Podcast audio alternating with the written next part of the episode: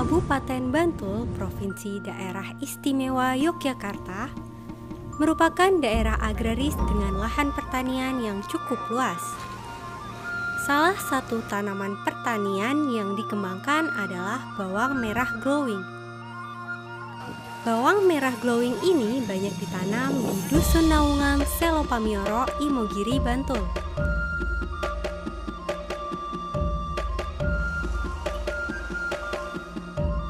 Ukuran umbinya lebih besar dibanding bawang merah lokal pada umumnya, serta kulitnya juga lebih mengkilap. Di balik keberhasilan budidaya bawang merah glowing ini, tentunya ada petani-petani dengan gagasan cemerlang. Salah satunya adalah Bapak Juari, sosok inspiratif kita kali ini.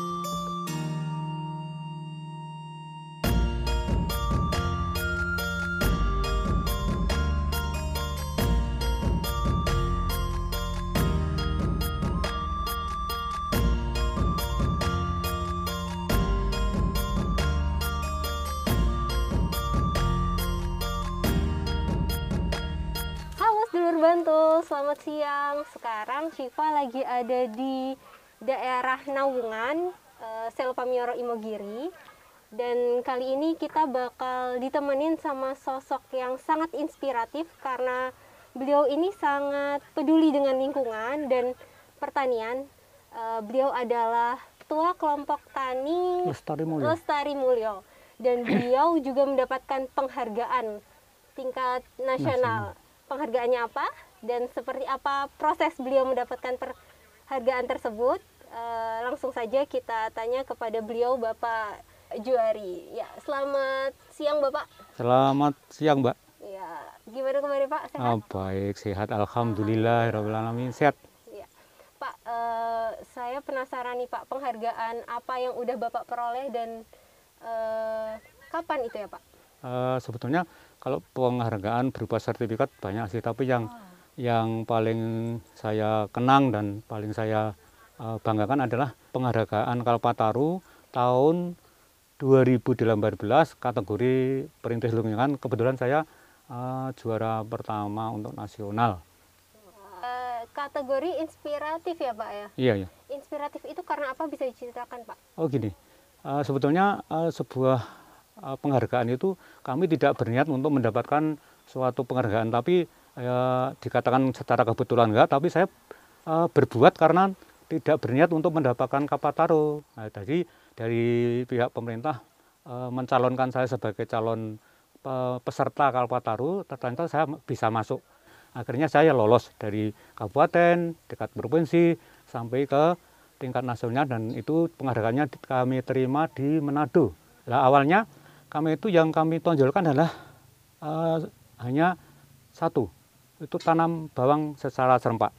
Dan di sini dengan serempaknya petani dapat mengangkat eh, apa kualitas atau mutu daripada bawang merah karena untuk menghalau hama, untuk mengantisipasi supaya hama tidak mudah tertular dan lain sebagainya. Terus yang kedua adalah pemberian pupuk organik yang sangat luar biasa. Artinya dalam satu hektar, eh, satu hektar atau satu seribu aja, seribu aja itu dua, tiga sampai empat ton. Itu sangat luar biasa. Setiap mau tanam dan MT-nya padi, bawang merah, bawang merah. Jadi semua kegiatan MT itu harus disertai dengan pupuk kandang dan di sini terkenal dengan bukan organik tapi kita, kita maunya disebut ramah lingkungan ataupun produksi yang eh, aman konsumsi mbak. Jadi kami kalau organik itu sangat sangat luas maka kami tidak tidak belum bisa menerima untuk itu. Eh, gitu terus yang ketiga itu adalah dari eh, eh, geografis yang seperti ini ketinggian 250 mdpl jadi ini kan langka air Nah, tinggi. cita-cita kami se- bersama teman-teman bersama petani bagaimana Naungan bisa seperti daerah-daerah yang lain di musim kemarau bisa ada tanaman seperti ini. Maka dengan teknologi yang dulunya hanya gotong royong membuat embung, sekarang sudah setiap tahun pakai eskapator, dibuat embung. Sekarang jumlah embungnya sudah ada 517 unit. Wow, kapasitas sekali, Pak. kapasitas 60 kubik 4 kali 5 kali 3 kedalaman rata-rata itu. Untuk kondisi di Naungan sendiri dulu sebelum uh, inovasi dari perairan, dari tanam serentak itu seperti apa Oh iya, itu tanah di sini ya bukan bukan marginal banget, tapi yang tepi di sana sangat dan amat sangat marginal. Jadi kita harus membuat supaya tanahnya itu eh, bagaimana layak untuk ditanami tanaman yang seperti ini. Jadi kita merubah dari tanah yang marginal, membuat eh, tanah yang menjadi subur itu dengan perlakuan-perlakuan yang semi organik. Tentu saja kita mengandalkan agen hayati. Itu kita kita kedepankan. Dan kita tidak juga tidak tidak mau anu apa ya tidak lepas dari kimia. Karena ya sedikit-sedikit hanya kita tidak boleh eh, menentang kimia tapi kita mengajak ke petani kita arahkan ke organik ataupun semi organik dengan menekan kimia memperbanyak agen hayati itu tadi. Itu dan dulu pada tahun 2000-an itu sudah eh, bapak-bapak sebaya kita itu sudah mulai bangkit untuk merubah naungan. Dan sekarang sudah alhamdulillah banyak petani milenial. Sekitar saya data itu sudah ada 50-an tiga anak. Itu mau saya eh, dirikan kelompok tani yang khusus eh, milenial, Mbak. Oh, iya. Jadi eh, kalau untuk idenya sendiri Pak, eh, gagasannya dari mana kayak penanaman itu langsung serentak, kemudian eh, membuat embung-embung itu gagasannya munculnya dari mana Pak? Eh, kalau embung itu awal mulanya juga dari pemerintah. Tapi mereka versi pemerintah itu embung itu enggak enggak seperti embung-embung petani. Kalau embung petani ada di lahan Ya. satu peta. Kita punya tempat tiga lahan. Kita juga harus punya tiga embung. Lah fungsi embung itu kan anu Mbak, untuk memanen air hujan fungsinya. Kalau sudah dipanen kan air tidak lari. Artinya kita membasahi tanah supaya tanah itu eh, kelembapannya cukup lama, tidak begitu saja kering lari air hujan. Kalau sudah digunakan habis, nanti kita suplai dari sumur bor yang otomatis kalau sumur bor sumur dalam itu ya dulu-dulunya dari pemerintah. Sekarang buat sendiri tapi ya belum memenuhi syarat untuk kedalaman sumur bor itu sendiri. Untuk komunitas unggulan di Naungan ini bawang merah Pak. Oh jelas. Eh, apa Pak eh, alasannya memilih bawang merah? Itu ah, bawang merah kan tanaman yang instan, dua bulan sudah panen. Pertama, kedua kalinya, kedua kalinya eh, nilai nilai jualnya cukup lumayan menjanjikan. Jadi anak-anak muda itu dari kerja ke pabrik, jadi satpam itu keluar sama ter eh, apa tergiur ataupun senang kepada pertanian dan saya mengucapkan alhamdulillah karena kalau tanah ini tanah kan bukan milik kita, mu- milik anak cucu kita. Jadi kita rawat, kita jaga anak anak kita mau melaksanakan perlakuan pertanian itu kita mengucapkan alhamdulillah karena ka- kalau mereka tidak mau melakukan me- mendalami tentang pertanian ya nanti tanah nggak ada yang mengerjakan, Pak. Iya, betul Pak. Bagus saya saya apresiasi kepada anak-anak muda kita. Wah menarik sekali ya Pak tentang eh, bawang merah ini. Iya. Nah, saya pengen lihat dong Pak eh, bawang merah di sini itu langsung dari lahannya seperti apa Pak dan kayaknya lagi ada yang panen ya ini ya Pak ya? Iya, baru ini sudah 75% sudah terbeli atau terjual. Di ini baru akhir-akhir nah ini paling Oh, akhir. iya. Boleh Tapi- lihat langsung ke sana Pak? Oh, boleh. Oh, ya. Mari, Mbak. Mari, Pak. Mari, Mbak.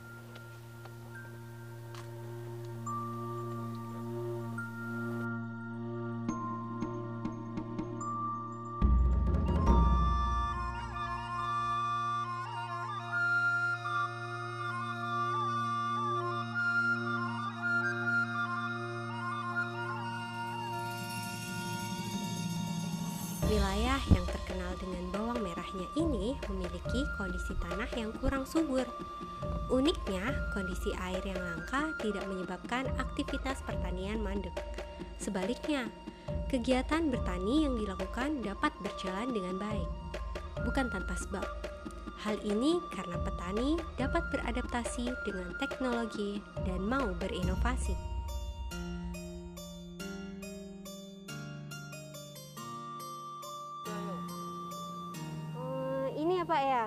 Ya? Iya, Mbak. Eh, ini Belum. udah siap panen atau belum? Sudah, sudah siap nih. Anu daunnya sudah sama roboh. Iya. Ini tanda-tanda siap iya, panen itu iya, daunnya iya, roboh. iya gini seperti ini Hmm, nih terus ini eh, hasilnya seperti ini mbak iya. Eh, ini nggak milih ini ini bebas berapa kita nyabut bawang bebas ini glowingnya Ya, ya. glowingnya.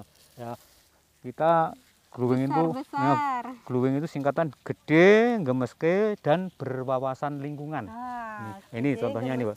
ya tidak tidak milih ini ah, apa adanya. Hmm, dan ini eh, eh, kelemahan kita bibit baru di apa ya dibimbing dari BI untuk tahun ini. Tahun Hmm. sebelumnya kita memang kelemah, lemah karena bibit. Dan itu sudah sedikit, sedikit demi sedikit diatasi oleh BI supaya kita bisa mandiri benih. gitu, Mbak. Oh ya, supaya bisa membuat bibit yang unggul ya, Pak ya, ya. Mbak, paling tidak kita eh, analisanya Hmm. 40% kan untuk membeli bibit. Ya. Jadi analisanya ini 1000 meter itu habis 13 juta, juta eh, 13 juta 850 ribu analisanya. Itu semua sudah dihitung. Hmm, Dari sewa lahan sampai sewa alat dan lain sebagainya. Lah 40 persennya itu dari bibit, Mbak. Jadi kita Hmm, masih mendatangkan bibit dari Brebes, Oke. Bima Brebes. Oh, jadi sebelumnya eh, mendatangkan ya Pak bibit Iya. itu, tapi Ah. untuk selanjutnya Sekarang sudah lagi dimulai. proses untuk proses dimulai, ah. bibitnya itu diolah sendiri ya Pak ya. Ya nanti tinggal dari sana untuk langsung ditanam. Hmm, ditanam. Dan dari sana cuman kecil-kecil sekali, Mbak. Cuman sekian nggak ada. Nanti bisa jadi sekian. Ini dua rumpun ini. oh, Jadi aslinya seperti ini. Cuman dua dua umbi ini bisa Mhm. jadi sekian. Oh, Jadi jadi kelipatannya nanam- bisa 113 Mhm. atau 116 Hmm, kelipatannya. Jadi ini 9 rumpun sudah ada satu kilo. Wah. Nanti penyusutannya kalau daun seperti ini Hmm, cuman satu on penyusutannya karena sudah sudah roboh bangnya sudah eh, kalau istilah eh, di sini lesah namanya lesah itu roboh Oh, iya, sudah siap iya. panen artinya seperti ini Oh, tidak tidak segar lagi ya gitu. mungkin ke sana mbak Oh iya lihat-lihat Pak. Wah, jadi semua seluas ini bawang merah semua ya Pak? ya se- luasnya se- 140 hektar Hmm, 140 hektar ini dulunya 105 ada Ya. pengembangan area di sana dari hmm, dari BPTP pengkajian hmm, eh, memperluas lahan. Dan ini rencana mau dibuat food estate untuk DIY rencana untuk kecamatan Imogiri, Retek dan Sanden, tapi yang paling banyak untuk eh, Imogiri khususnya di Namungan. Ini. Produk panen yang dihasilkan tidak mengecewakan jika lahan pertanian diolah dengan 3B. Bijak, baik, dan benar.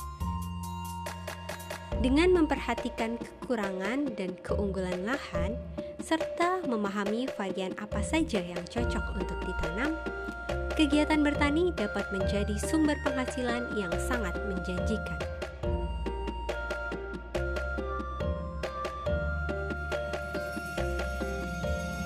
Pak, eh, untuk keunggulannya sendiri nih Pak bawang merah di Naungan ini dibanding daerah-daerah yang lain apa Pak? Oh ya, masalah keunggulan Mhm. Kita tidak menjelek-jelekan daerah lain, tapi yang yang saya bicarakan adalah fakta yang ada di Nawungan. Dengan perlakuan semi organik maupun organik full Hmm. itu kita jelas jelas unggul karena mutu bawang merah itu pertama kinclong.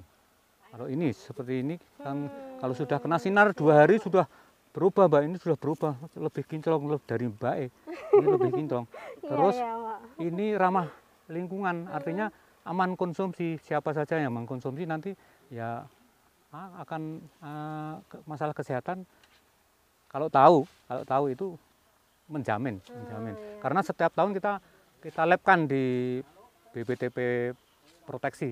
Kita ngelabkan residu kandungan kimia kandungan eh, hayatinya seberapa kita harus tahu ini. Iya, iya. Terus kelebihannya adalah ya karena eh, kekompakan aja ya, ya, kekompakan.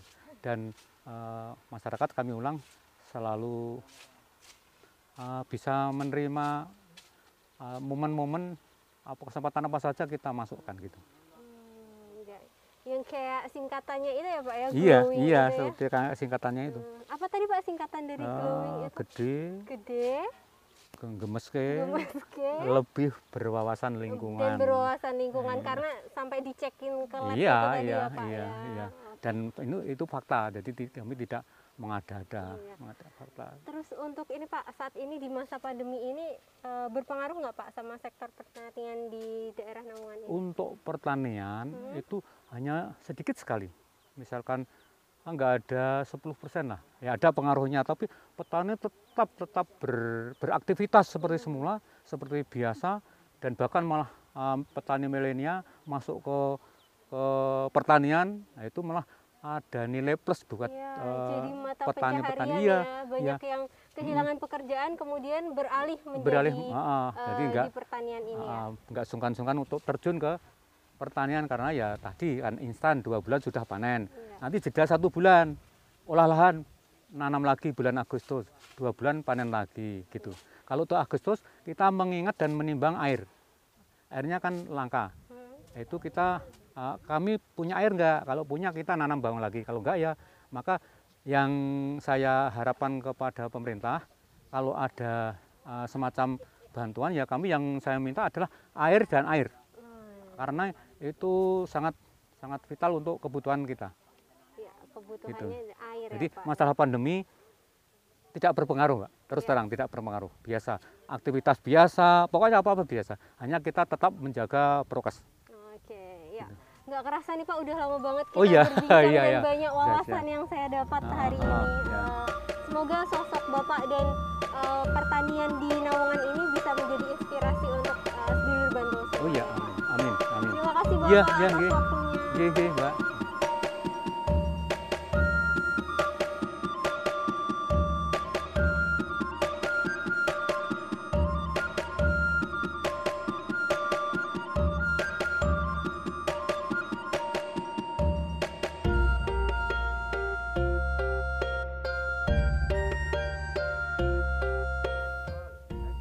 Ya, demikian bincang-bincang kita dengan sosok inspiratif hari ini. Jadi seperti yang dikatakan Pak Juari ya, untuk kaum milenial jangan malu terjun di sektor pertanian karena terbukti di masa pandemi ini eh, menjadi penghasilan untuk masyarakat. Dan jangan lupa ya sedulur Bantul untuk tonton terus YouTube Bantul TV. Jangan lupa subscribe dan tonton terus updatean terbaru dari Bantul TV. Sampai jumpa di episode selanjutnya.